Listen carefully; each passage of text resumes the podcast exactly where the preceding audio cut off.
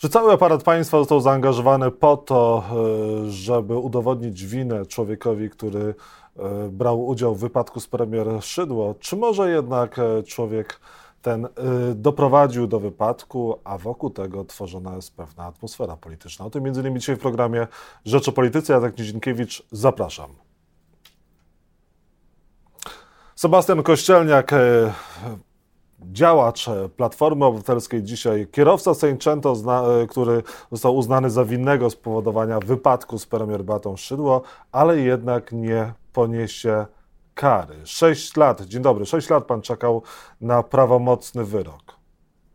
Dzień dobry panie redaktor, pan, pan, panu redaktorowi, dzień dobry państwu. Tak, sześć lat czekałem na prawomocny wyrok, natomiast e, no, czy faktycznie będzie prawomocny, to jeszcze przyszłość pokaże ponieważ no, będę rozważać jeszcze dalsze możliwości.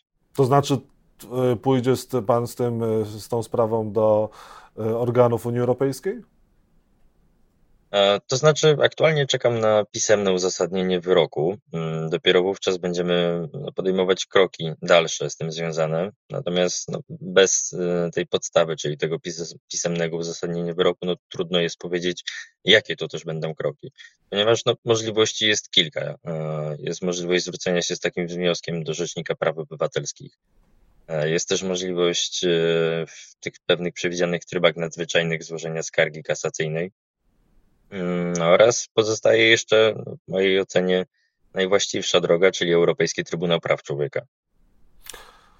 Doszło do wypadku 6 lat temu, w którym pan brał udział. E, pan czuje się winny? Pan spowodował ten wypadek? Jaka jest pańska wersja wydarzeń? Ja nadal powtarzam to, co, co powtarzałem już od powtarzam od sześciu lat, czyli że jedyną moją winą w całym tym zdarzeniu było to, że znalazłem się w złym miejscu o złej porze. E, I dlatego też e, to jest jakby cały zakres mojej winy w tej sprawie. Co się wtedy wydarzyło, kiedy pan e, w Oświęcimiu skręcił, no i skręcił na skrzyżowaniu i uderzył w samochód premier Beaty Szydło, która to uderzyła później w drzewo. Czy mógł pan odtworzyć te wydarzenia? Już jakby zaraz po samym momencie e, tego zdarzenia e, nastąpił szereg rzeczy, który do tej pory nie został mm, wyjaśniony. Chociażby kwestia tego, że mm, zostałem wożony z miejsca na miejsce, nie została mi udzielona pomoc medyczna, e, zostałem zatrzymany po, po całym zdarzeniu.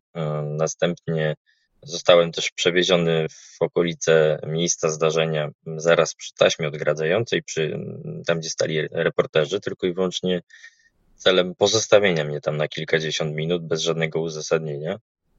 Mm, jak wiadomo, później też działo się wiele dziwnych rzeczy, chociażby w trakcie e, przesłuchania, jak później udało się ustalić, dwóch funkcjonariuszy ABW e, stało wówczas, kiedy e, odpowiadałem na, na pytania przesłuchujących mnie policjantów. Odmówiono mi przede wszystkim prawa do adwokata.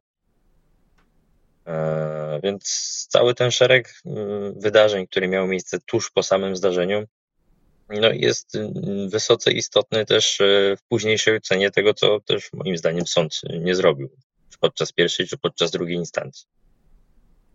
A czego sąd według Pana nie zrobił, a co powinien zrobić? Chociażby teraz, jeszcze w, w trakcie publikacji tego wyroku w poniedziałek, e, została mm, wielokrotnie podniesiona kwestia, że była to kolumna.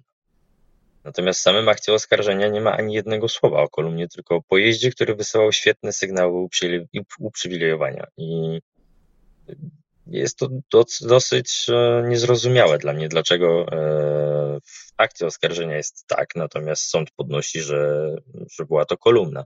Tym samym twierdząc, że e, daje wiarę jednemu z, z funkcjonariuszy BOR, który potwierdził, że tych sygnałów dźwiękowych nie było. I tak samo daje wiarę świadkom, którzy również potwierdzają, że tych sygnałów dźwięków nie było które to świadczą tylko i wyłącznie o tym, że wtedy ta kolumna byłaby uprzywilejowana, natomiast w przypadku ich braku, tak jak było, no, nie była, dlatego jest tu wiele sprzeczności, które no, będzie trzeba po prostu wyjaśnić do końca. No właśnie, pan słyszał jakieś dźwięki, widział pan światła, y, które mogłyby świadczyć o tym, że te samochody były uprzywilejowane?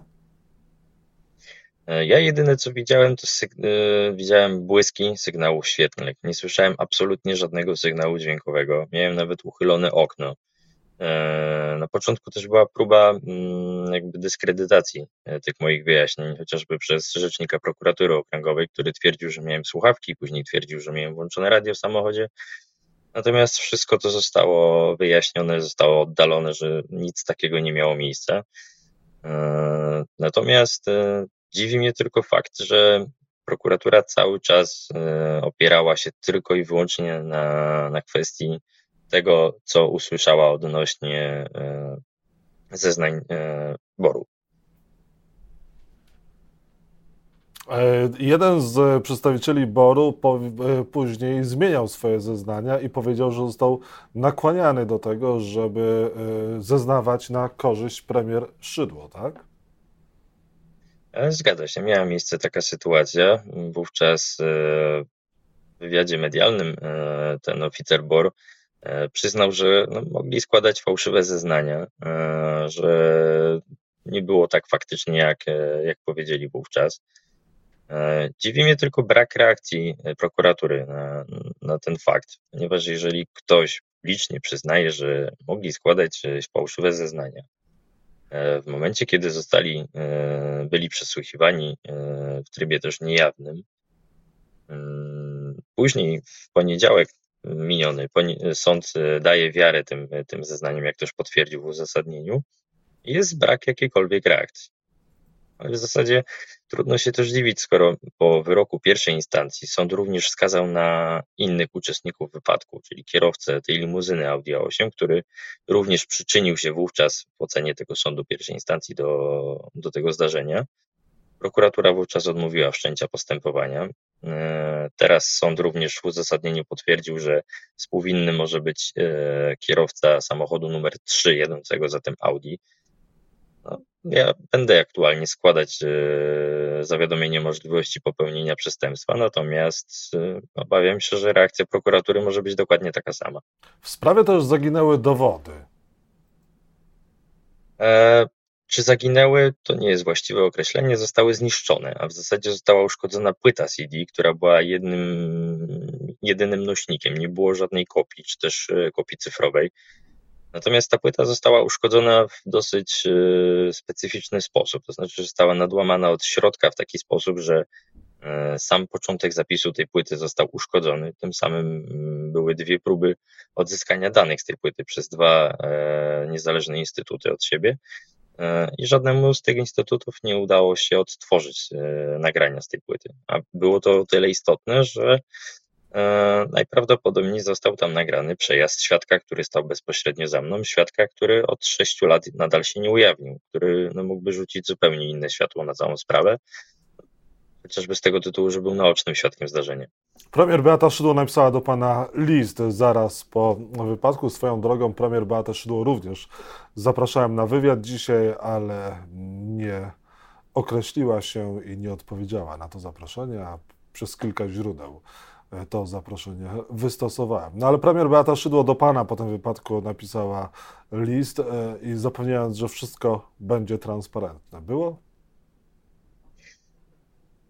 Trudno mi się odnieść do tego, czy to było transparentne. Wiem, że na pewno mm, równości tutaj zabrakło, ponieważ e, w podobnych przypadkach sprawy toczą się przez pół roku, rok, maksymalnie dwa lata. Natomiast e, sześć lat postępowania o wypadek e, komunikacyjny, gdzie warto też wspomnieć, że nikt nie zginął w tym wypadku, tak? Jeżeli doszłoby do jeszcze tragiczniejszych skutków tego zdarzenia, E, wtedy trudno by się było przyczepić do kwestii e, trwania, czasu trwania tego postępowania. Natomiast tutaj wydarzyło się wiele dziwnych rzeczy po drodze, chociażby kwestie przesłuchania tych wszystkich świadków, które niejednokrotnie byli, niejednokrotnie byli mm, słuchani dwukrotnie, trzykrotnie. E, ilość tych wszystkich dowodów, ekspertyz, to jest naprawdę niebywałą rzeczą, żeby zaangażować aż tak potężne środki w sprawę wypadku komunikacyjnego. Jeżeli chodzi no, o. Mhm, proszę. No, jeszcze tylko kończąc, dlatego tej e, równości, sprawiedliwości, a tym bardziej transparentności no, nie było. I na koniec e, pan jest członkiem Platformy Obywatelskiej, będzie kandydował w wyborach e, parlamentarnych, bo to też może według niektórych stawiać pańską, pański punkt widzenia e, pod pewną wątpliwość, no bo jednak Platforma jest zaciekłym przeciwnikiem PiSu i walczy o odebranie władzy PiSowi. E, czy będę kandydować, to jest jeszcze kwestią e, rozważeń. Jak na razie chcę się skupić na, na studiach. Chciałbym się skupić przede wszystkim na dokończeniu też tej e, sprawy, ponieważ w mojej ocenie to jeszcze nie jest koniec. A ten finał, tak jak na początku wspomniałem, raczej będzie miał swoje miejsce przed Europejskim Trybunałem Praw Człowieka. Natomiast jeżeli chodzi o mm, przystąpienie do partii, wstąpiłem do partii, ponieważ podzielam jej poglądy. Stało się tak dlatego, że wówczas, te 6 lat temu, gdy byłem jeszcze bierny wszystkiemu i tylko się przyglądałem, mm, ta sprawa też jakby zmieniła mój pogląd na, na cały świat, że e, no, nie można niestety stać biernie, że trzeba aktywnie w tym wszystkim uczestniczyć, ponieważ no, nie można się zgodzić na to, co się dzieje dookoła. A wiele przykładów z dnia codziennego po prostu pokazuje, co też ta władza czyni, chociażby scenami w Polsce, czy w trakcie tych wszystkich protestów przed kilkoma laty, gdzie ludzie zostali zatrzymywani, wywożeni na różne komisariaty, nie było z nimi kontaktu, e, zostali wprowadzani adwokaci w błąd. No, nie można się godzić na coś takiego, dlatego też chciałbym w przyszłości móc e, mieć możliwość zmienić po prostu to wszystko. Sebastian Kościelniak był Państwa i moim gościem. Bardzo dziękuję za rozmowę i życzę dobrego dnia. Dziękuję również.